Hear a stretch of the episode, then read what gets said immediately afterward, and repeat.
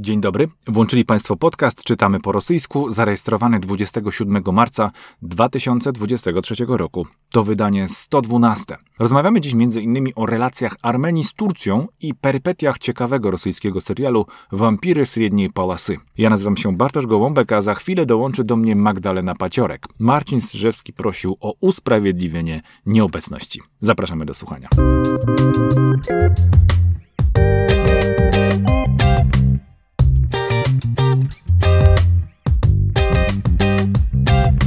Dzień dobry Państwu lub dobry wieczór. E, podcast czytamy e, po rosyjsku. I witam Cię Magdo. Dzisiaj z Magdą Paciorek e, będziemy omawiać tematy, które nas zainteresowały w rosyjskojęzycznej prasie, oczywiście głównie w internecie. Cześć Magda. Cześć Bartku, witam wszystkich. Zaczynamy od tematu, który mm, wybrała E, znalazła e, Magda Paciorek. Jak Magda siada do czytamy po rosyjsku, to najpierw ją ciągnie jak wilka do lasu w kierunku Kaukazu, Kaukazu Południowego i tak się stało też tym razem. No tak, nie, nie ma lekko. Tak właśnie pomyślałam, że ostatnim razem, jak się widzieliśmy, również było co nieco o Gruzji, wcześniej było Armenii, no i znowu padło na Gruzję, ale tym razem przygotowałam coś ze świata piłki nożnej, no ale oczywiście nie obędzie się również bez polityki. Mój artykuł pojawił się w nowej gazecie, ale przy okazji jeszcze pośledziłam trochę e, inne źródła. W sobotę odbył się mecz Turcja-Armenia w ramach eliminacji do Euro 2024. E, mecz został rozegrany w Rywaniu i de decyzją UEFA na stadion nie zostali wpuszczeni turec tureccy kibice. Wynik meczu i był, jest, był przewidywalny, e, ponieważ wygrała Turcja 2 do 1. E, przed meczem przeczesałam polskie i rosyjskie internety w poszukiwaniu jakiegoś komentarza, wstępnej analizy, no i szukałam oczywiście jeszcze czegoś, a czego to już, już, już powiem. Wniosek z tego, z tego przeszukiwania tych, e, tych artykułów jest jeden. Rosyjscy dziennikarze sportowi patrzyli na ten mecz spojrzeniem nie tylko sportowym, ale również politycznym. W polskich internetach nie znalazłam wzmianki o tym, że taki mecz może być czymś nietypowym. A bez dwóch zdań dla obu drużyn to był szczególny mecz, przede wszystkim ze względów politycznych. I tu nie może się obyć bez krótkiego zarysowania politycznego kontekstu i zrobię to taką trochę e, okrętną drogą, e, bowiem językiem mojej wyszukiwarki internetowej jest język rosyjski i Google często podpowiada takie podobne wątki, podobne pytania dotyczące naszego zapytania i przy okazji wyszukiwania hasła mecz Armenia-Turcja od razu pojawiły się pod spodem pytania. E, w jakim gadu Turki napali na Armenię, czyli w którym roku Turcy napadli na Armenię, a drugie pytanie to było, почему Turki wrażduje z Armianami, czyli dlaczego Turcy kłócą się z Ormianami. I mówiliśmy tutaj już wielokrotnie o trudnych relacjach politycznych tych państw, ale przy okazji takiego meczu bardzo szanuję, że się odbył, że UEFA chociaż w takim małym elemencie pokazała, że sport jest poza polityką. Oczywiście w rosyjskich różnych portalach sportowych pojawiły się komentarze pod artykułami, że w stosunku do Rosji e, wcale nie są tacy poza polityką, nie dopuszczając ich do rozgrywek, no ale doskonale zdajemy sobie sprawę z tego, że w tym przypadku ciężko być poza polityką i tu jest zupełnie inna waga, e, waga tej polityki. E, I wracając do wątku tego meczu, ostatni mecz tych drużyn miał miejsce w 2010 roku i towarzyszyło temu chwilowe ocieplenie stosunków dyplomatycznych na linii Armenia-Turcja. Wtedy też miały miejsce spotkania przedstawicieli rządu obu państw, jednak taka piłkarska dyplomacja na niewiele się zdała. E, w tym roku nie tylko mecz jest takim delikatnym krokiem w kierunku normowania tych stosunków, bowiem pierwszy raz po ponad 30 latach Turcja otwarła granice z Armenią. Miało to miejsce miesiąc temu w związku z koniecznością przyjęcia pomocy humanitarnej przez Turcję po trzęsieniu ziemi. Potem miało miejsce spotkanie ministra spraw zagranicznych Armenii, Ararata Mirzojana i muszę przyznać, że doskonałe imię i nazwisko dla osoby z taką misją. I e, po stronie tureckiej był Mawliuta Ciawo, e, przepraszam, Ciawu Gloszu, trudne nazwisko. W trakcie e, tego spotkania dużo mówiono o wznowieniu dyplomatycznych stosunków i potencjalnym otwarciu granic na dłużej, nie tylko jednorazowo. I autor tego artykułu wskazuje, że do tej pory tak zwana ta piłkarska dyplomacja mm, niewiele przyniosła efektów, ale już ta dyplomacja po trzęsieniu ziemi dała szansę Armenii na poprawę stosunków i swojego wizerunku na arenie międzynarodowej. ja bym tutaj dodała, że to nie jest tylko poprawa wizerunku, ale po prostu nawet zwrócenie uwagi na to, na Armenię, na to, że ona jest na tej arenie międzynarodowej i również działa, solidaryzuje się z innymi państwami. Z tego artykułu dowiadujemy się jeszcze, że Armenia bardzo liczy na taką ekonomiczną współpracę i wymianę, wymianę z Turcją, bowiem wiele towarów e, importowanych z Gruzji pochodzi właśnie z Turcji i gdy one trafiają już do Armenii, ich ceny są oczywiście wysokie, ponieważ no, transport kosztuje, e, pośrednicy kosztują e, i Armenia szuka sojusznika do takiej ekonomicznej wymiany. Kiedyś już wspominaliśmy o tym, że Ormianie korzystają poniekąd z sankcji nałożonych na Rosję i eksportują do niej wiele towarów i takie otwarcie szlaku wymiany ekonomicznej przez Turcję byłby, byłoby bardzo na rękę Armenii. I tutaj jako ciekawostkę dodam, że zaledwie w 2022 roku Armenia zdjęła e, embargo na obieg towarów tureckich i zauważalnie, zauważalne było to również dla gospodarki e, ormiańskiej i ona pozytywnie zareagowała na taką zmianę. Więc jak widzimy, w ostatnim czasie Armenia i Turcja powzięły wiele kroków, żeby się zbliżyć. E, mecz i pomoc udzielona po trzęsieniu ziemi e, były do tego bardzo dobrą okazją. E, a mnie jeszcze zaciekawił tutaj jeden wątek bardzo żałuję, że nie miałam okazji pooglądać, jak w Armenii był przeżywany ten mecz. Wyobrażam sobie, że to było takie ogólnopaństwowe poruszenie i przeżywanie tego meczu całą ormiańską dumą narodową. Co sądzisz na ten temat, Bartek?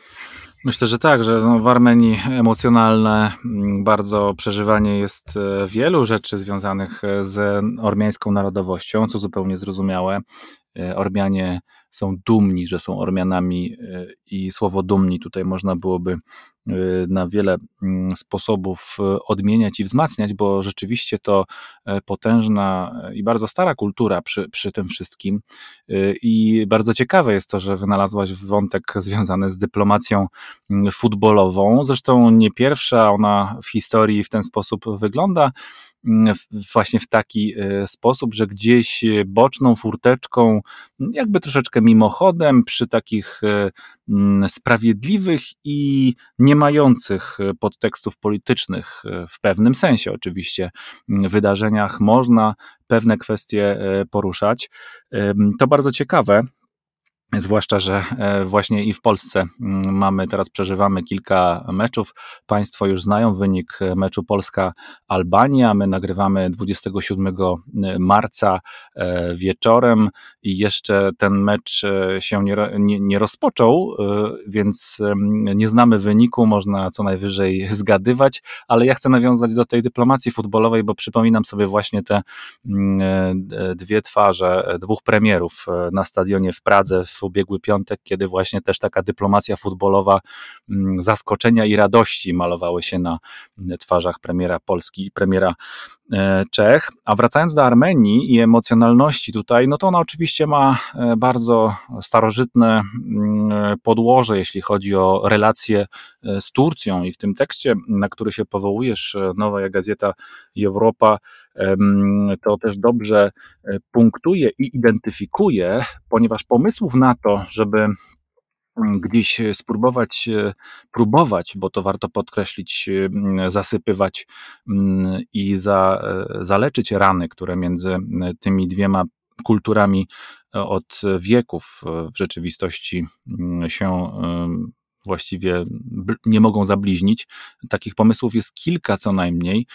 Mm, przypomnijmy, drodzy Państwo, że przecież Ormianie odwołują się e, historycznie, kulturowo do wielkiego, starożytnego e, państwa Urartu, które w dużej mierze, jak popatrzymy na współczesną mapę e, polityczną świata w tym regionie, mm, rozlegało się, czy też formułowało, kształtowało swoją przestrzeń właśnie na terytorium dzisiejszej Turcji.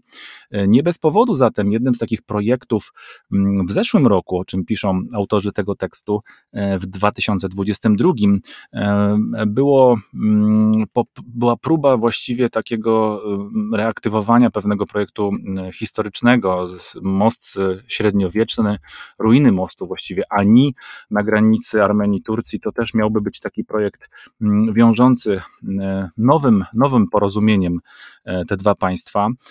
Czy to jest realistyczne dzisiaj? To oczywiście o to bardzo trudno um, wyrokować e, w tej sprawie um, i o to będzie bardzo trudno w rzeczywistości, ponieważ mamy wciąż wielu graczy, którzy z całą pewnością będą zainteresowani e, no, niespecjalnym takim wycofaniem się mm, e, Ormian i Turków z tego specyficznego napięcia, w którym funkcjonują jako państwa graniczące ze sobą i narody graniczące ze sobą. Mm, mam na myśli Azerbejdżan i w tym tekście akurat, choćby Azerbejdżan, e, i w tym tekście akurat to jest bardzo interesujące. Po raz pierwszy się chyba z tym spotkałem, szczerze mówiąc, i powiem Ci, że nawet mnie to zaskoczyło bardziej niż cokolwiek innego w tym bardzo interesującym interesującym skądinąd tekście, to jest sformułowanie, którego używają redaktorzy tego artykułu, a konkretnie autor Aleksandr Pracht. To jest tekst z 25 marca 2023 roku. Drodzy Państwo, przypominam jednocześnie, że zawsze linki do tekstów, o których rozmawiamy, są w opisie do odcinka. Tak jest też i tym razem. Tekst zatytułowany jest 30 lat w czyli 30 lat w offside. Mowa tutaj oczywiście o relacjach e, ormiańsko-tureckich. Wracam do tego, co mnie zdziwiło, zaskoczyło. Po raz pierwszy spotykam się, żeby ktoś mm, e, z rosyjskiej sfery publicznej, publicystycznej sformułował w taki sposób określenie dotyczące Azerbejdżanu jako satelitarnego państwa Turcji właśnie satelit Turcji, Azerbejdżan. Wydawałoby się, że można byłoby w ogóle tego w ten sposób nie formułować, jeszcze póki co, jeśli jest się publicystą rosyjskim, rosyjskojęzycznym, nawet emigracyjnym, nawet liberalnym, nawet prodemokratycznym, antyreżimowym, antywojennym w rozumieniu wojny, oczywiście Rosji e, i Ukrainy, Rosji, agresji Rosji przeciwko Ukrainie, ale mm, no takie sformułowanie jest rzeczywiście dosyć oryginalne. Ono y, być może właśnie opisuje faktyczny stan. Zawsze moglibyśmy, mm, patrząc na jeszcze niedawną przeszłość regionu, mówić, że właściwie czy to Armenia, czy to Gruzja, czy mm, Azerbejdżan, w pewnych oczywiście tylko, nie we wszystkich, ale w pewnych e, e, segmentach, w pewnych sferach mogłyby świadczyć mm, te relacje rosyjsko-zakaukaskie o tym, że właśnie to są satelity Rosji, czy też Moskwy, czy też biznesmenów rosyjskich, e, biznesmenów rosyjskiego pochodzenia. Ba, daleko szukać. Niedawno mówiliśmy z Marcinem Strzyżewskim przecież o, o, sytuacji w Gruzji i powoływaliśmy się tutaj też na doświadczenie związane z Bidziną Iwaniszwilim, który przecież z Rosji mm, e, korzystał, z, z funkcjonowania biznesowego w Rosji korzystał i wygląda na to, że wciąż jakieś relacje pozostały. Więc wracając do Armenii, do Erywania, mm, mówienie o Azerbejdżanie jako o satelicie Turcji jest niezwykle e, interesujące. Ustawia po nowemu e, relacje w świadomości czytelnika tego tekstu. Ja nie mówię, że jakaś grupa ekspertów, specjalistów już tak na tą e, sprawę nie patrzy. Być może tak faktycznie jest. Ale to też e, bardzo ciekawie kształtuje być może nasze wyobrażenie polityczne o tym regionie. Jeszcze do, do, dokończymy może ten wątek, bo aspiracje Armenii, które będą się krystalizowały być może w ponownie się odezwą te aspiracje, te ambicje, że oto Armenia powinna być przyjęta do klubu europejskiego cokolwiek byśmy pod rozumieniem tego słowa klub nie, nie widzieli, czy to Unia Europejska, czy to wreszcie nawet jakiś układ o bezpieczeństwie, Wcale nie musi to być przecież NATO.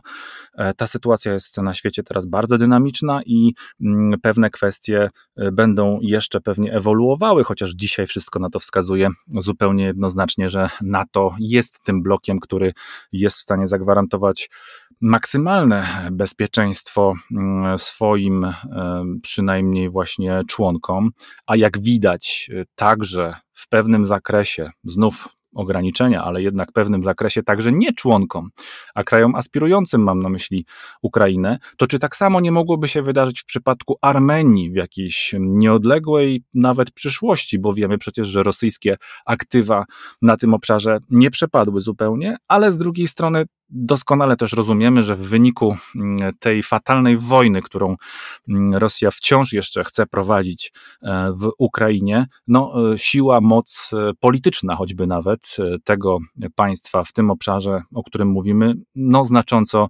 zmalała.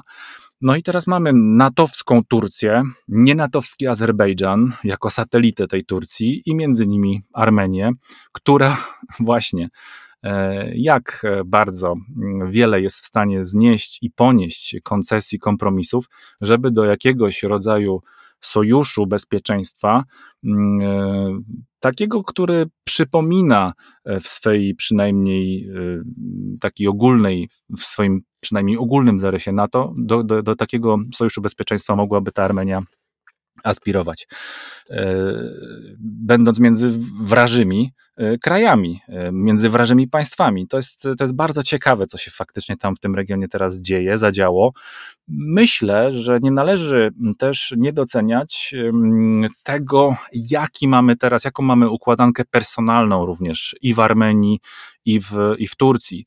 Niekoniecznie polityczną samą z siebie, bo to jest oczywiście też ważne, ale personalnie te osoby, które się spotykają, ci ludzie, którzy ze sobą rozmawiają, powołała się na ministrów spraw zagranicznych, prawda? Tą dyplomację trzęsienia ziemi, również bardzo istotną.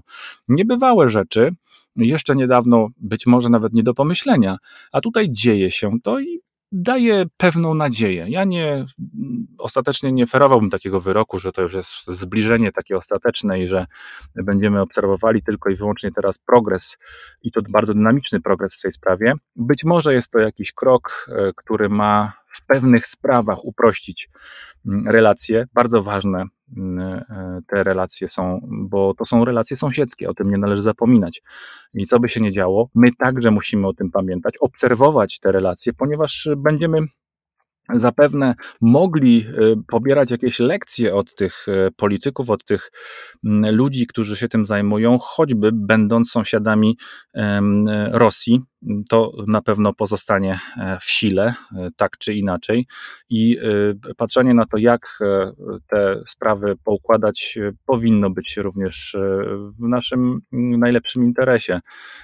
Więc liczę na to, że przykład z Zakaukazia czy z Kaukazu Południowego, e, przykład e, korespondencji pewnej e, Ormian z, mm, z Turkami będzie, będzie dla nas fajnym, fajnym takim dowodem na to, że można mm, szukać przynajmniej pozytywnych rozstrzygnięć.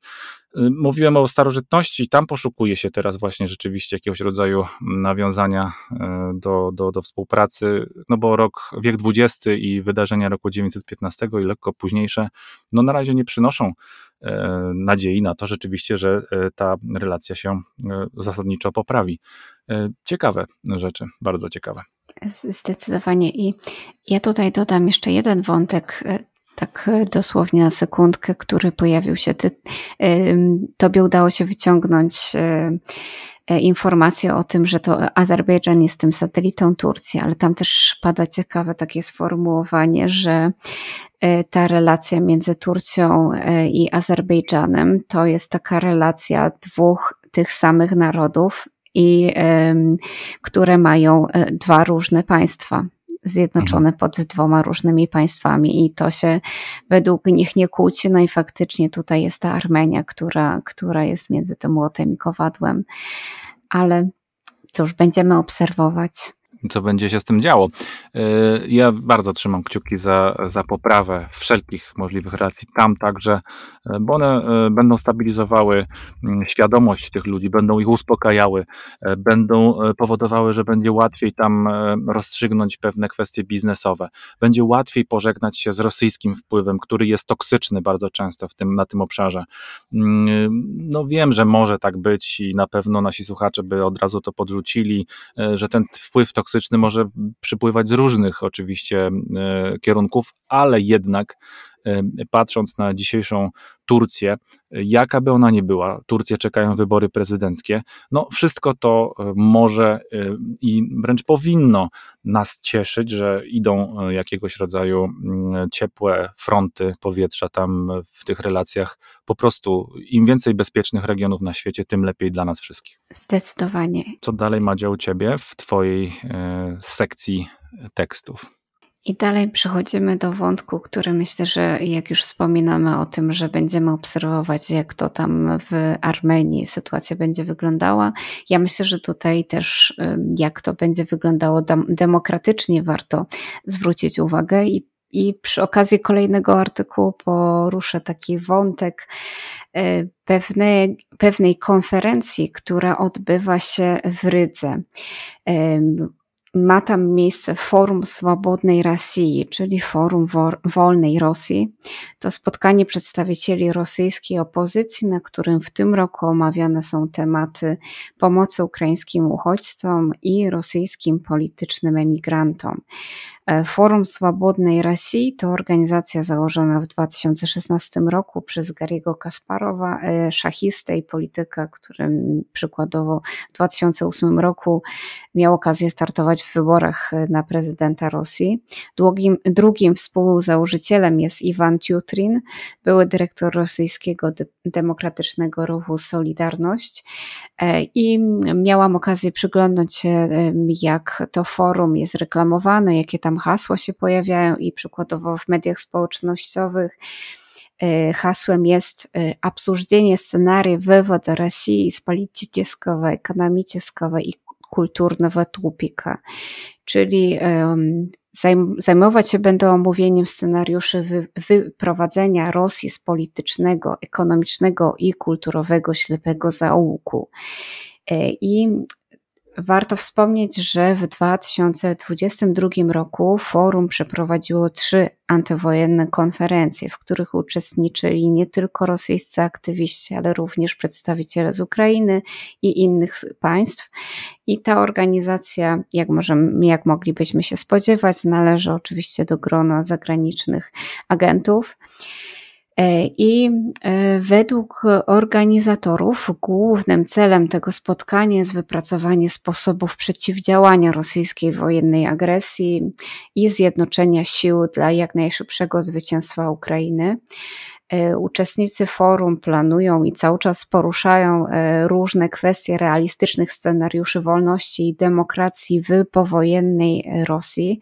Myślę, że jest to pole, które wymaga wymaga ogromnego nakładu pracy i cieszę się, że są takie inicjatywy, cieszę się, że jest taka dyskusja e, i myślę, że po wielu latach tak zwanego prania mózgów, szczególnie po ostatnim roku zintensyfikowanego, jeśli już uda się w Rosji kiedykolwiek wprowadzić demokrację w takim prawidłowym tego słowa znaczeniu, to społeczeństwo rosyjskie będzie musiało się wiele nauczyć, będzie musiało wypracować odpowiednie postawy i tych zmian i miejsc do naprawy jest i będzie masa, więc trzymam kciuki, żeby rosyjska opozycja jednoczyła swoje siły, działała sprawnie i nie bała się trudnych dyskusji i odważnego działania, bo też obserwując tą wymianę, podejmują przeróżne tematy, od, od wątku tego, kto jest współpracownikiem Putina, po wątek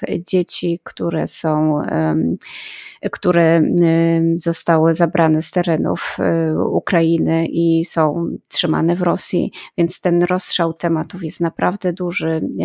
Wielu specjalistów, polityków wypowiada się na różne tematy, więc jeżeli kogoś to głębiej, głębiej zainteresuje, to warto przykładowo na Twitterze są takie krótkie e, cytaty, takie, takie wyciągnięte najważniejsze słowa z różnych przemówień. E, na YouTubie oczywiście można posłuchać, pooglądać całe relacje. Jest to dosyć ciekawe wydarzenie. Hmm. Bardzo ciekawe. I oczywiście już bardzo wiele słów e, na temat rosyjskiej opo- opozycji, słów i tekstów zostało e, wytworzonych, e, które właściwie ją w pewnym wymiarze nawet dyskredytują.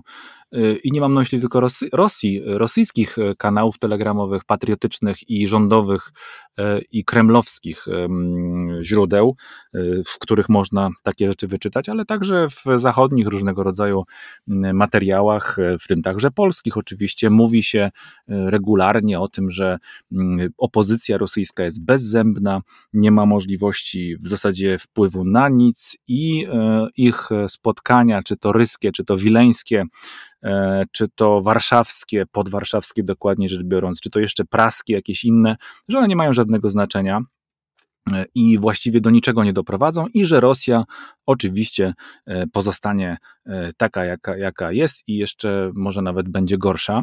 Mm, ja nie mam takiego bardzo radykalnego, negatywnego zdania na ten temat. Myślę, że każda dyskusja i każda debata, która przypomina o tym, po pierwsze, że wojna, która jest niesprawiedliwa, niegodna i haniebna, trwa, to i każda debata, gdziekolwiek by się nie prowadziło, jest bardzo ważna, istotna i prowadzona w języku rosyjskim także jest bardzo ważna, bo nie należy o tym zapominać, że e, właśnie mm, to jest tutaj kluczem też do zrozumienia tej sprawy.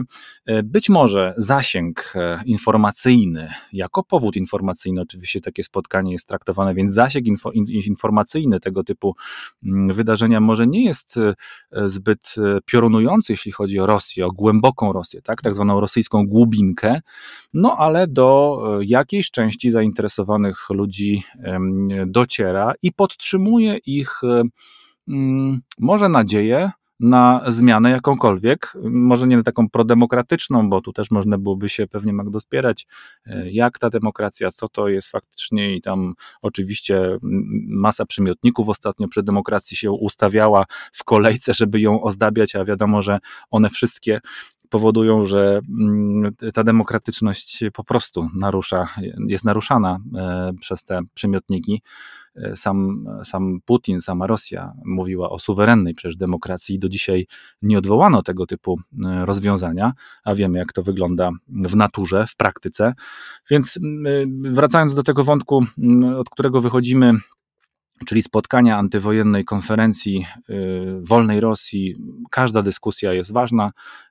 Nie dyskredytowałbym tego jakoś y, tak bardzo y, intensywnie, chociaż też oczywiście mam pewne wątpliwości na temat zasięgu właśnie oddziaływania rosyjski tutaj jest ważny, język, którym się oni posługują, jest ważny. Myślę jednak, że gdzie indziej będą bolesne tematy bardziej dla e, tej szeroko rozumianej rosyjskiej antyreżimowej opozycji bo ta ostatnia wojna, która została wytoczona e, części zaangażowanych mediów właśnie w tą stronę liberalno-demokratyczną, tak ją nazwijmy, może wolnościową nawet, mam na myśli dawnego głównego redaktora Echa Moskwy Aleksieja Wenediktowa, który prowadzi Żywoj Gwoźdź e, od e, czasu, kiedy Echo Moskwy zostało zamknięte, zlikwidowane. Mm, I uderzenie FBK, konkretnie Marii Piewcich w tą postać, no na pewno naruszyło pewnego rodzaju taki, powiedzielibyśmy, taką niepisaną zasadę, że nie będziemy się y, podgryzać, nie będziemy rozstrzygać różnych kwestii publicznie w taki sposób, a tutaj okazało się, że mało, że znalazło się miejsce, to i czas i mm, potężne media, które sprzyjały tego typu rozwiązaniu, bo po pierwsze było, był to wywiad dla Jurija Dudzia, który, mm, którego Maria Piewciech udzieliła e, temu e, słynnemu i popularnemu dziennikarzowi rosyjskiemu na emigracji, funkcjonującemu, ale wciąż e, ciekawe rozmowy, nagry, nagrywającemu. Więc to było pierwsze potężne forum i zasięgi gigantyczne, na pewno dużo większe niż to, co robi Kasparow, trzeba powiedzieć sobie jasno. No na pewno tak jest. Milionowe odsłony, mimo że czterogodzinny wywiad. Tam po raz pierwszy padły pewnego, roza, pewnego rodzaju zastrzeżenia wobec Aleksija Wenedyktowa, a później FBK opublikowało e, swoje śledztwo, e, w którym Aleksiej Wenedyktow już został przecież jasno postawiony praktycznie w jednym rzędzie ze wszystkimi mm, ludźmi skorumpowanymi wokół Kremla, e, jako osoba, która bierze pieniądze od Kremla za to, żeby wspierać jego projekty. Oczywiście pośrednio, bo chodziło tutaj głównie o Moskwę, mm, o projekty mm, Sobianina, czyli mera stolicy Rosji i no rzeczywiście, no, nie da się ukryć, że tutaj mamy pewnego rodzaju znaki zapytania, ale myślę, że one były i funkcjonowały już dużo wcześniej i teraz coś musiało się takiego wydarzyć, co sprowokowało FBK, czy osobiście Marię Piewcich, a może jeszcze kogoś obok, do tego, żeby e, takiego rodzaju debatę uwypuklić. I ona oczywiście nie pomaga tym, którzy wierzą. Nie pomaga tym, którzy wierzą w demokratyczną Rosję, w wolną Rosję. Nie pomaga samym e, emigrantom, bo Akurat e, ten atak został wyprowadzony ze strony emigracyjnej, a Aleksiej Wienedyktow, e, jak wiemy, chociaż jest agentem zagranicznym, bo tak Kreml uzna, uznał, że należy mu się ta winietka, to jednak pozostaje wciąż w Rosji, stara się pracować e, e, z Rosji, chociaż bardzo dużo podróżuje, spotyka się z kim absolutnie może i no wciąż ma e, swoje znajomości, układy, które na pewno także w tym środowisku, o którym mówiłaś, o którym mówi ten tekst Radia Swoboda mm, na temat stolicy Łotwy i tego spotkania, gdzie jest niemała diaspora rosyjska przecież, mm, że tam też na pewno i Aleksiej Wienedyktow jakoś dociera ze swoim ze, swoim, ze swoją charyzmą specyficzną, niewątpliwie, ze swoimi pomysłami, ze swoją wiedzą, ze swoimi e, kontaktami. E, ktoś kiedyś się śmiał, że mm, rzeczywiście zobaczenie, e, kogo Wienedyktow ma wpisanego do książki telefonicznej, wyczerpałoby mm, to, co on mówił o tym, co się dzieje wokół nas, czyli o tym, że mm, żyjemy w podręczniku do historii, więc tam jest też trochę podręcznik do historii, jeśli chodzi o tego dziennikarza. Bardzo y, będziemy też bacznie obserwowali, jak e, emigracyjna, emigracyjny ruch wolnościowy się będzie układał wobec tych wszystkich nowych wydarzeń, które będzie przynosiła Rosja, wojna oczywiście, no i potencjalne wstrząsy, które będą mm, w Rosji widoczne lub niewidoczne i to jest też rzeczywiście bardzo ciekawe. Nawalny zażartował, a może to nie bezpośrednio Nawalny, ale ludzie Nawalnego w takim memie zażartowali, e, jak, jak, jak, jak właśnie rozpoczęła się ta wewnętrzna wojna ludzi wolności, takich określmy rosyjskich, rosyjskich ludzi wolności zażartowali, jak, jak właśnie to się zaczęło, że mm, walczymy mm, z Wenediktowem, tak mniej więcej teraz e, przywołuję to z pamięci, jest podpis na obrazku. Nawalny pyta przeciwko komu. E, tak by jemu się być może wydawało, że przeciwko komuś można mm, walczyć, a FBK walczy właśnie przeciwko Wenedyktowowi, czyli z Wenediktowem. Tam jest taka gra słów i ten mem dosyć bystro, jakby to powiedzieli mm, Rosjanie i nie tylko Rosjanie po rosyjsku, e, rozchodził się po sieci i jest znamienny. Myślę, że to jest kwestia, która e, długo nie zostanie zapomniana i jeszcze nie została ostatecznie rozstrzygnięta. Także popatrzmy także na tą flankę wolnościowo-demokratyczną, jak ona się układa. Dzięki Magda za znalezienie też tego wątku, bo on y, będzie wracał. Już żeśmy nawet o tym i z Marcinem rozmawiali, ale to na pewno nie koniec y, tych debat y, na wolnościowym segmencie Rosji. Zapach kawy roznosi się od, dzięki Państwu w naszych mikrostudiach. Magda, masz coś w kubku, bo ja mam kubek gdzieś za sobą e, zatrzymany. A dlaczego o tym mówię? Bo mm, Buy Coffee tu lekutko, ale bardzo przyjemnie zapełnił się Państwa wpłatami. E, dla nas dziękujemy uprzejmie panu Pawłowi, Margarynie, Grażynie, Uli, Dorocie, Aleksandrowi, Olku bardzo serdeczne dzięki i ukłony, bo Olka akurat znam osobiście, drodzy Państwo, i wiem, że to super człowiek y, i jest jeszcze wpłata od Agaty. Bardzo nam miło, drodzy Państwo, że doceniacie w ten sposób e, naszą e, pracę i liczymy oczywiście na dalsze mm, wsparcia, bo te kubki, jak Państwo wiedzą, szybko się e, opróżniają a mm, praca przy każdym podcaście to często także nocne godziny, nie Magda? Jak to u Ciebie było w tym, w tym wydaniu? Trochę nocą trzeba było poklikać, nie? Trochę tak, no siedziało się, piło herbatki, nie herbatki. To. E, dziękujemy Wam bardzo serdecznie, drodzy słuchacze. I patrząc na te relacje migracyjne i trochę mm, podsumowując, albo raczej dołączając do wątku, który poruszaliśmy w 111 wydaniu, czytamy po rosyjsku z Marcinem Strzyżewskim, a mówiliśmy tam o tym, jak Rosjanie patrzą na Ukraińców i Ukraińcy na Rosjan, mm, pojawił się jeszcze taki mm, element uzupełniający, tak bym to określił, i chciałbym go Państwu i Magdzie zaproponować do rozważań.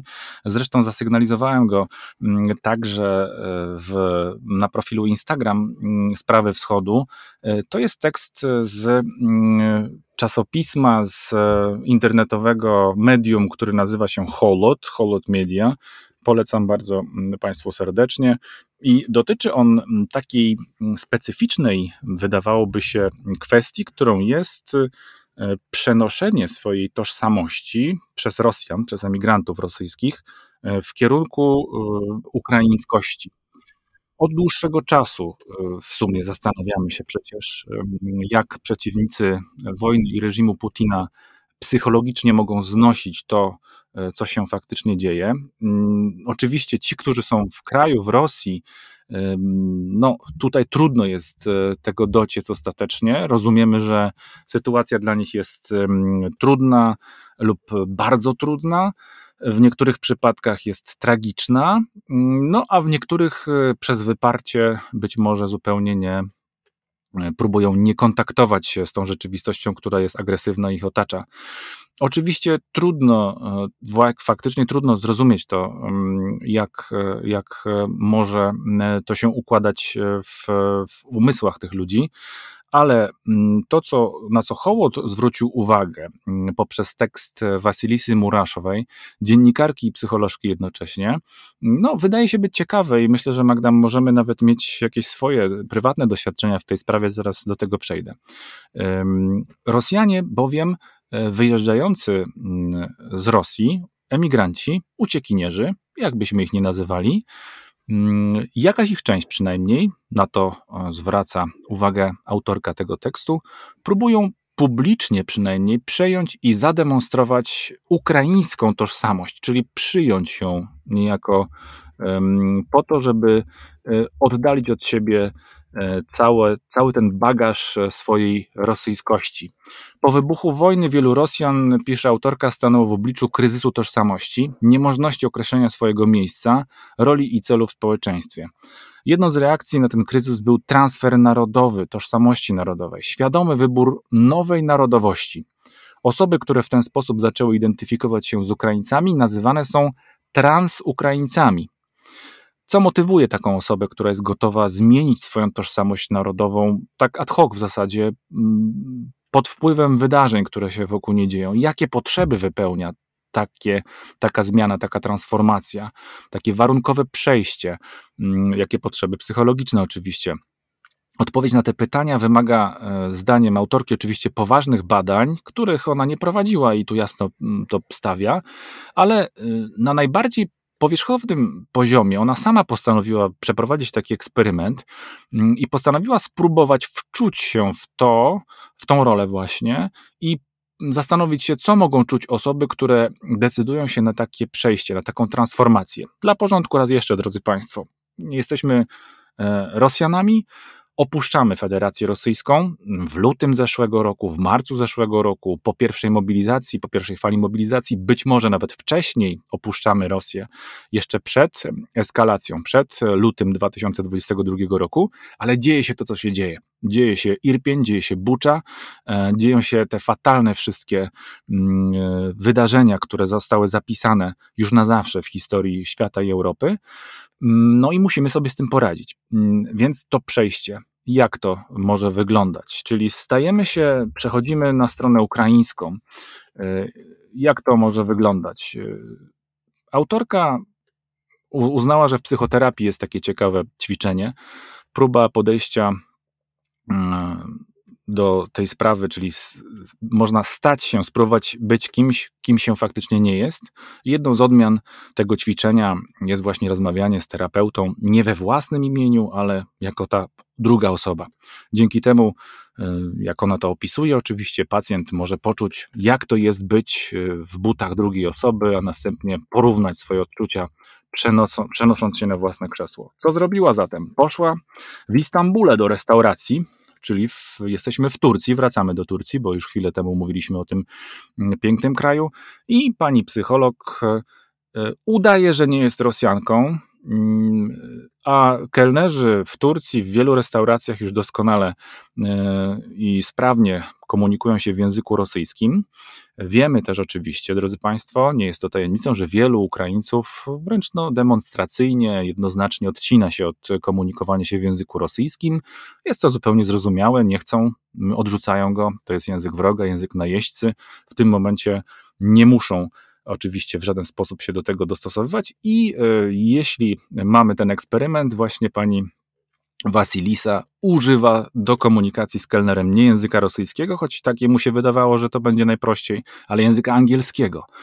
I co się wydarzyło w jej umyśle? Ona relacjonuje oczywiście swoje uczucia. Nagle no, zaczęła się wsłuchiwać w swoją właśnie tą nową jakość, ten swój nowy głos ukraiński. E, słucham, jak się czuję, obserwuję swoje ciało, wyprostowuję się, siedzę pewniej niż zwykle, czuję przypływ dumy. Mm, wsłuchując się w swoje myśli, przypływają kolejne wnioski, bo obrzydzenie, które towarzyszyło mi od 24 lutego, pisze autorka, znacznie się zmniejszyło. Rozmawiamy przez kolejne 10 minut, to znaczy ona rozmawia z kelnerem e, i z obsługą tam po prostu, czułam się odprężona. Obrzydzenie, wstyd i poczucie winy, które majaczyły gdzieś w tle, prawie zniknęły. Miałam tyle energii, że mogłam przenosić góry po wyjściu z tej restauracji, takiego wyzwolenia, specyficznego oswobodzenia, przyjęcia na chwilę chociaż tej um, ukraińskiej tożsamości. Po tym eksperymencie, jako psycha, psychoterapeutka, um, wzięła się za konceptualizację tego przypadku, no i właściwie do czego dochodzimy? Dochodzimy do dosyć takich też smutnych i daleko idących wniosków. Ona porównuje to wydarzenie e, krótko do swoistego takiego procesu dysocjacyjnego zaburzenia tożsamości, które przez literaturę jest opisywane jako wytworzenie w umyśle człowieka co najmniej jednej dodatkowej osobowości. Ona jest w stanie wówczas przejąć czasową kontrolę nad zachowaniem człowieka. Zdarzają się też przypadki, w których e, wytwarzanych jest też kilka osobowości. No tutaj wszedłbym w, w zupełnie nieznane mi przestrzenie tego, o czym pisze właśnie autorka mm, tego tekstu, ale pisze bardzo racjonalnie i mm, uwierzcie mi Państwo, że nawet ktoś, kto nie jest profesjonalistą i nie zna się na psychologii, na psychiatrii, także w pewnym sensie no, jest w stanie przyjąć te argumenty jako zupełnie mm, trafne. Y, więc y, to jest jakaś depersonalizacja. Może to tym się skończyć, zdaniem autorki tego tekstu, tego eseju właściwie, no inna sprawa, mm, że nie wszyscy ludzie są w stanie, jej zdaniem, z racji swoich psychologicznych osobliwości i ograniczeń, znieść całą gamę uczuć związanych jednocześnie z wojną, tożsamością narodową.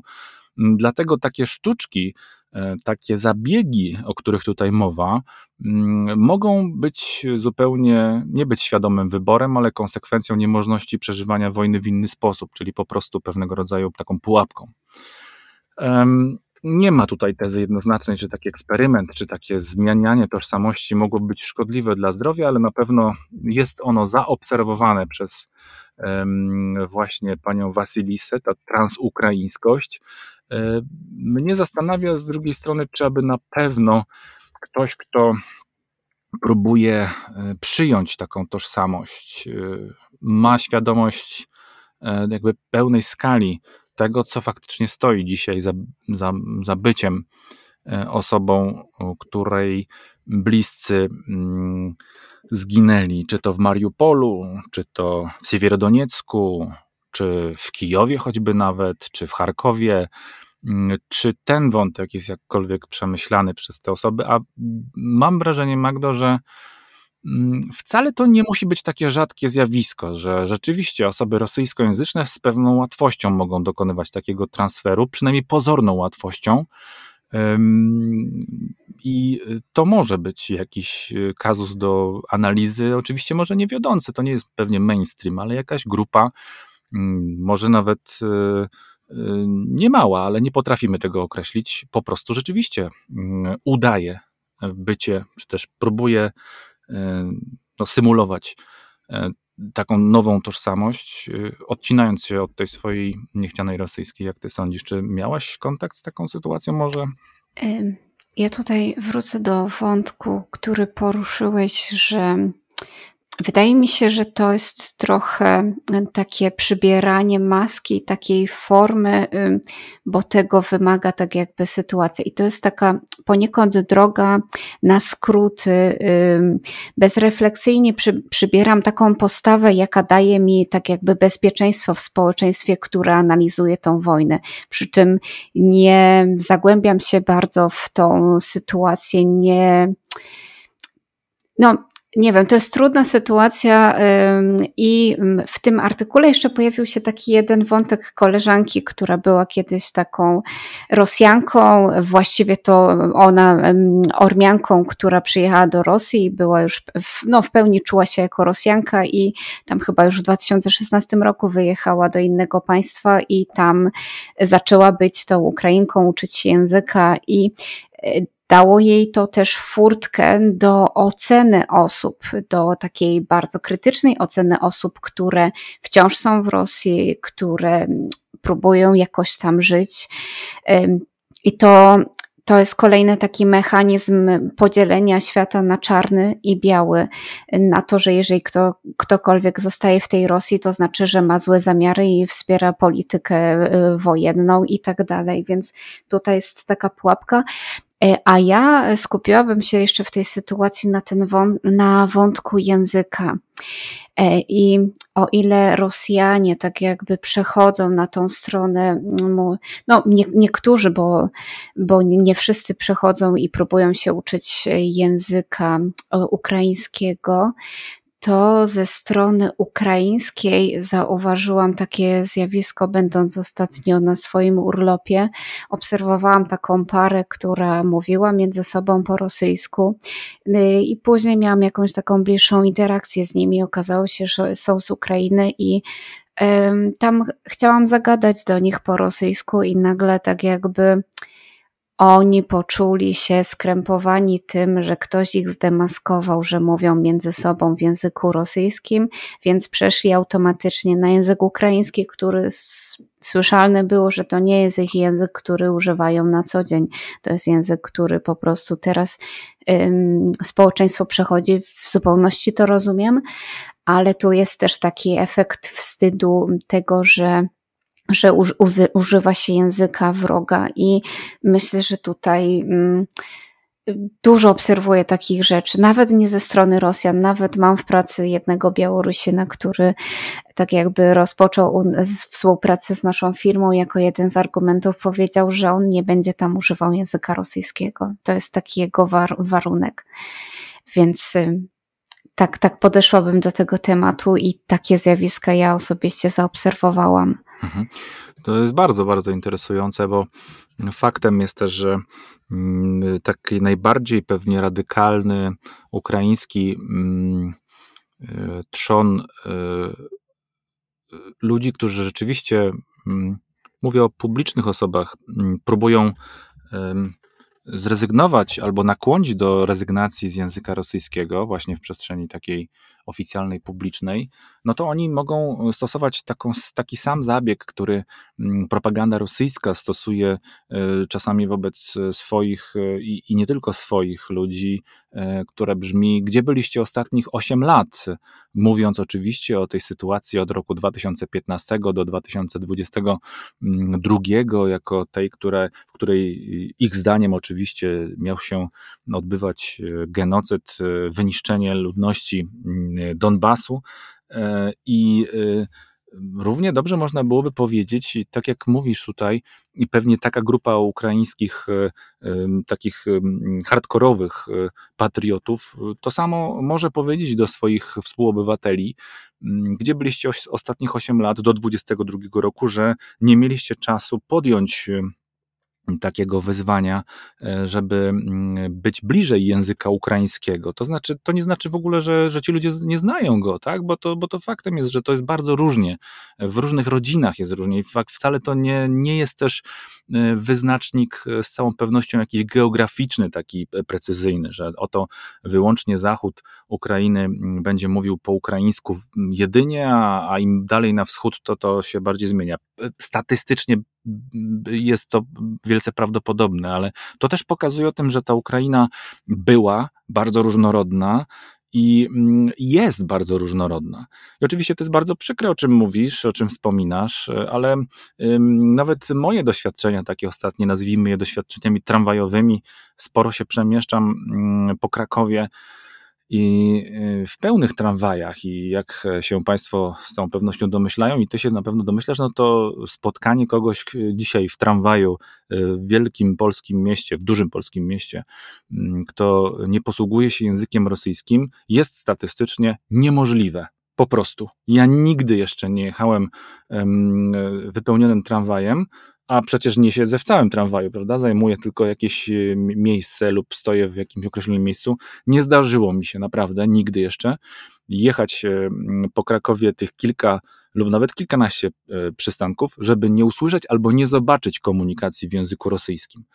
I to jest dosyć naturalne i myślę, że rzeczywiście, że to będzie trwało bardzo długo, ale ciekaw jestem też, ile wśród tych osób mogłoby być takich, które faktycznie no, będą mówiły o tym, że, że, czy też będą myślały w ten sposób, jak e, podkreśliła to Wasilisa Muraszowa mm, w swoim tekście Nacjonalny переход wojennowo времени, tak ona o tym pisze. To musi być jakieś spostrzeżenie jej osobiste. Nie przykładałbym do tego jakiejś rzeczywiście dużej statystyki. Ona zresztą też zastrzega, żeby nie brać tego jako jakiegoś generalnego planu, ale Samo dostrzeżenie takiego wątku wydaje się być e, ciekawe, istotne w kontekście tych wszystkich tożsamościowych spraw, gier, które się muszą jeszcze teraz rozegrać i będą się jeszcze rozgrywały, dokąd ta nieszczęsna historia będzie nam towarzyszyła. Ostatnia rzecz, Magdo, może nie tak bardzo obficie już będę e, w tej kwestii głos zabierał jak w poprzedniej, bo tamta wyraźnie mnie e, ożywia intelektualnie. Mam wrażenie, że tu jest wszystko do zbadania badania w rzeczywistości do sprawdzenia. Kultura telewizyjna, rosyjska, e, drodzy Państwo i droga Magdo. W Moskwie miała miejsce ceremonia rozdania nagród dziesiątej edycji, mm, dziesiątej edycji rozdania nagród Stowarzyszenia Producentów Filmowych i Telewizyjnych. Organizatorzy postanowili przyznać nagrody projektom, które nie otrzymały ich w czasie pandemii. Czyli to był ten czas lockdownów, problemów e, z różnego rodzaju inicjatywami publicznymi. I tak w kategorii najlepszy serial komediowy za rok 2021 zwyciężyły Wampiry Średniej Pałasy e, Antona Masłowa, przed ludźmi bez zasad, takie tłumaczenie na szybko, e, i e, przed serialem Poliarnej. Okazuje się, że zrobiliśmy komedię, skoro trafiliśmy do tej nominacji. Mm, nazwisko Jurija Michajłowicza Stojanowa, który zagrał w serialu Wampiry Średniej Pałasy, no, jedną z głównych ról niewątpliwie, automatycznie czyni serial komedią. Dziękuję. Tak żartowali producenci tego projektu, odbierając nagrodę. Mm, kto to jest Jurij Michajłowicz Stojanow? To jest popularny twórca, znany rosyjskiej, rosyjskojęzycznej, szerzej powiedzmy, widowni, z takiej roz, przede wszystkim amerykańskim z takiej rozrywkowej, prześmiewczej serii Garadok, która w latach 90. i 2000 jeszcze była bardzo popularna i bawiła właśnie rosyjskojęzycznych, nie tylko Rosję. Mm, I w zasadzie chciałbym się na tym człowieku skupić i na tych relacjach i na serialu, mm, który rzeczywiście wymaga dodatkowej refleksji z mojego punktu widzenia. Tutaj dziękuję Michaelowi Bridowi, z którym współpracuję, który ze mną współpracuje również w projekcie Sprawy Wschodu, mm, który w zasadzie podsunął mi jakiś czas temu już ten serial. Obejrzałem go w całości. Vampiry Sydney Palasy, czyli takie tłumaczenie robocze, ja zaryzykuję Magda to tak e, powiedzieć po polsku, że to są wampiry e, ze środkowego pasu, ze środkowej strefy Rosji, mniej więcej tak. Akcja dzieje się w Smoleńsku. To jest bardzo ciekawy, drodzy Państwo, serial z fantastycznym z jednej strony, a z drugiej strony realioznawczym i uwaga, takie słowo, no, nowotwór, słowo, słowotwór e, rodzinoznawczym materiałem o współczesnej Rosji niewątpliwie. To jest przede wszystkim serial o rodzinie, o stałości mm, pewnych e, kwestii w Rosji, o skriepach z jednej strony i o tych skriepach słynne słowo używane chętnie również przez oficjalną dzisiaj Rosję, które się rozsypują w wielu miejscach. Rosja, która się zmienia i w której nic się nie zmienia. Rosja, w której nawet wampiry nie mają wolności, drodzy Państwo, jeśli popatrzymy dokładniej, żeby nie spoilerować tym z Was, którzy jeszcze są przed obejrzeniem, a mogliby po rosyjsku sobie tutaj e, poradzić kilka ciekawostek, dwie może ciekawostki o tym serialu. To jest serial, który został rozdarty przez różne wydarzenia. Od 2018 roku po produkcji pilotażowego odcinka, w nim, w tym pilocie zagrał Juri Stojanow, ten serial y, prześladowały pewne problemy. Po pierwsze pandemia, a po drugie zmiany w środowisku aktorskim. Po pierwsze, pierwszy, y, pierwsza zmiana to jest powrót Jurija Stojanowa do roli Światosława Wiernidubowicza, seniora wampirów, po pilocie, ponieważ no, aktorzy mm, mają to do siebie, że no, wybierają po prostu niektóre projekty, zwłaszcza takiego, takiego, takiej kategorii jak Stojanow i on akurat miał lepszy, lepszą ofertę w tym czasie i zaproponował do e, tej roli, w, które, w którą zagrał w pilocie Michała Jefriemowa. Niestety, Michał Jefriemow w czerwcu roku 2020 roku, też bardzo popularny aktor rosyjski, spowodował wypadek drogowy pod wpływem alkoholu i narkotyków. No, w tym wypadku zginął inny kierowca. Sąd, prokurator, sprawa była bardzo y, trudna i głośna w Rosji. Mm, wrócił zatem y, Stojanow niejako w zastępstwie za Jefriemowa do tej roli y, i zagrał ją w sposób rzeczywiście doskonały tak się dobrze to złożyło. A druga zmiana, drodzy Państwo, w tym serialu, bo on ma dwie, mm, jak dotąd, jeśli dobrze pamiętam, dwie, tak, serie Dwie, dwa cykle zostały wyprodukowane. Druga zmiana też jest bardzo interesująca, bo to jest też historyczne wydarzenie dla całej tej aktorskiej spółki, producenckiej spółki. Mm, to jest e, produkcja drugiej serii. Aktorka grająca rolę policjantki Anuszki Ukrainka z pochodzenia, kijowianka, Jekaterina Kuzniecowa zrezygnowała z tej roli po ataku Rosji na jej ojczyznę. Jej miejsce zajęła Anastazja Stieszko. Mm, Kuzniecowa wyjechała z Rosji, a przyjechała tam w 2010 roku mm, do Moskwy, kuszona świetnymi propozycjami, rolami, e, nowym życiem w zasadzie aktorskim. Rosyjskojęzyczna pełni aktorka, jak Państwo zerkną na jej Instagram dzisiaj, no on jest w pełni właśnie ukraińskojęzyczny. Kuzniecowa jednoznacznie opowiedziała się po stronie swojej ojczyzny, Ukrainy, mm, w tej sprawie i zrezygnowała z e, rosyjskich pieniędzy, chociaż e, ma dla siebie pretensje i mówi to otwarcie też w wywiadach, że nie zrobiła tego wcześniej, już po aneksji Krymu. Na to jej nie było stać, ale wtedy była, jak twierdzi, zbyt młoda, nie interesowała się sprawami publicznymi. Mówiła to w wywiadzie dla Meduzy między innymi. Bardzo ciekawa historia. I jeszcze jeden dodatek dla Państwa, żeby nie było tak różowo i romantycznie. Juri Stojanow, drodzy Państwo, główny aktor, który zbudował właściwie popularność tego serialu, chyba tak można o tym mówić, to jest człowiek urodzony w 1957 roku w Odessie. Jego mama do dzisiaj żyje w Odessie, ale Stojanow nie zajął stanowiska w ogóle. On uznał, że przeczeka, oczywiście w sprawie wojny. Mm, wręcz przeciwnie. Można powiedzieć, że milczał jak zaklęty we wszystkich znanych sobie językach, głównie w rosyjskim, aż ostatecznie 10 lipca w zeszłym roku, 2022 rok, Władimir Putin złożył mu osobiście życzenia z okazji 65 urodzin, co wyjaśniło dla wielu sprawę, dlaczego Stojanow milczy. Po prostu nie uważa, że ta wojna jakkolwiek e, go dotyczy, albo nie uważa, że powinien zabierać głos, ponieważ no, dzieją się rzeczy historycznie uzasadnione, jak wielu w Rosji, także aktorów, także osoby publiczne, tak właśnie myśli. A potem e, Juria Stojanowa, którego naprawdę szanowało, jestem absolutnie co do tego przekonany, także wielu Ukraińców, Białorusinów, ludzi, którzy znają dobrze język rosyjski, różnych pokoleń. Także można było zobaczyć tego aktora w reklamach sieci komórkowej, dużej rosyjskiej sieci komórkowej MTS. E, bożonarodzeniowe reklamy, drodzy Państwo, no wiadomo było, co się już w ciągu kilku miesięcy wydarzyło. No i mamy taką oto sytuację.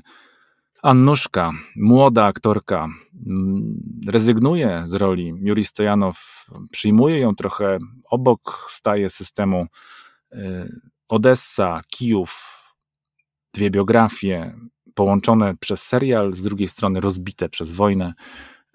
Muszę też powiedzieć Państwu, że e, pani Kuzniecowa nawet przez moment była w Warszawie, nawet nie wiem, czy wciąż nie jest. Jeśli tak, to serdecznie Panią pozdrawiamy, Pani Katylino. Nie wypowiadała się jakoś bardzo radykalnie o swoich koleżankach i kolegach, którzy y, są Rosjanami przecież y, i którzy niejednokrotnie zajmowali albo puste stanowisko, tak bym je określił, czyli nie wypowiadali się w żadną ze stron, co też jest jakiegoś rodzaju oczywiście informacją dla publiki lub dla Władimira Putina, albo mm, no, po prostu uważali, że Rosja ma rację w całej tej sprawie. Kultura cały czas buzuje i jeszcze długo będzie buzować także wokół tego tematu. A ja tutaj dodam tylko, bo nie miałam przyjemności obejrzeć całego serialu, obejrzałam zaledwie trzy odcinki i jest coś takiego w tych serialach słowiańskich, kryminalnych, że one mają taki swój specyficzny klimat. Myślę, że to jest po prostu um, operowanie kamerą, dialogi i tak dalej. Czynią to, no pokazują, że to nie jest kryminał zachodni, a taki słowiański. Tak, a przy tym ta metafizyka, ta wampi wampirskość zresztą dosyć modna. Ostatnimi czasy się zrobiła i trochę taka ucieczka też od rzeczywistości na rzecz e, pewnego świata równoległego, mm, a tutaj dosyć też dobitnie można to czytać faktycznie. Drodzy Państwo, jeśli e, Państwa mm, rosyjski macie wrażenie, a miejcie to wrażenie, nie bójcie się rosyjskiego, oglądajcie seriale, mm, bo tam obraz wspiera rozumienie zdecydowanie powielokroć bardziej niż e, lektura tekstu, tak to się układa, więc jeśli mają Państwo siłę, ochotę i czas, to bardzo serdecznie zachęcamy do zobaczenia wampirów średniej pałasy. Mm, czeka Państwa mm, bardzo dobra e, dobra, e, dobrze spędzony czas to będzie, niewątpliwie. Nie chciałem używać tego słowa rozrywka, ale no w jakim sensie to jest rozrywka? Ale jak tu mówić o rozrywce w takich sytuacjach, jakie mamy tutaj? aktorzy się miksują. Y, jeden zabija na drodze pod wpływem alkoholu i narkotyków innego człowieka. Zmiana, wojna, zmiana. Jak to będzie w przyszłości wyglądało? Y, historia kinematografii, kultury, języka rosyjskiego w dużej mierze wciąż. No, przecież to są ukraińscy, czy też pochodzenia ukraińskiego artyści, nie ukraińscy, chociaż w przypadku Kateryny Kuzniecowej mamy tutaj jednoznaczny sygnał.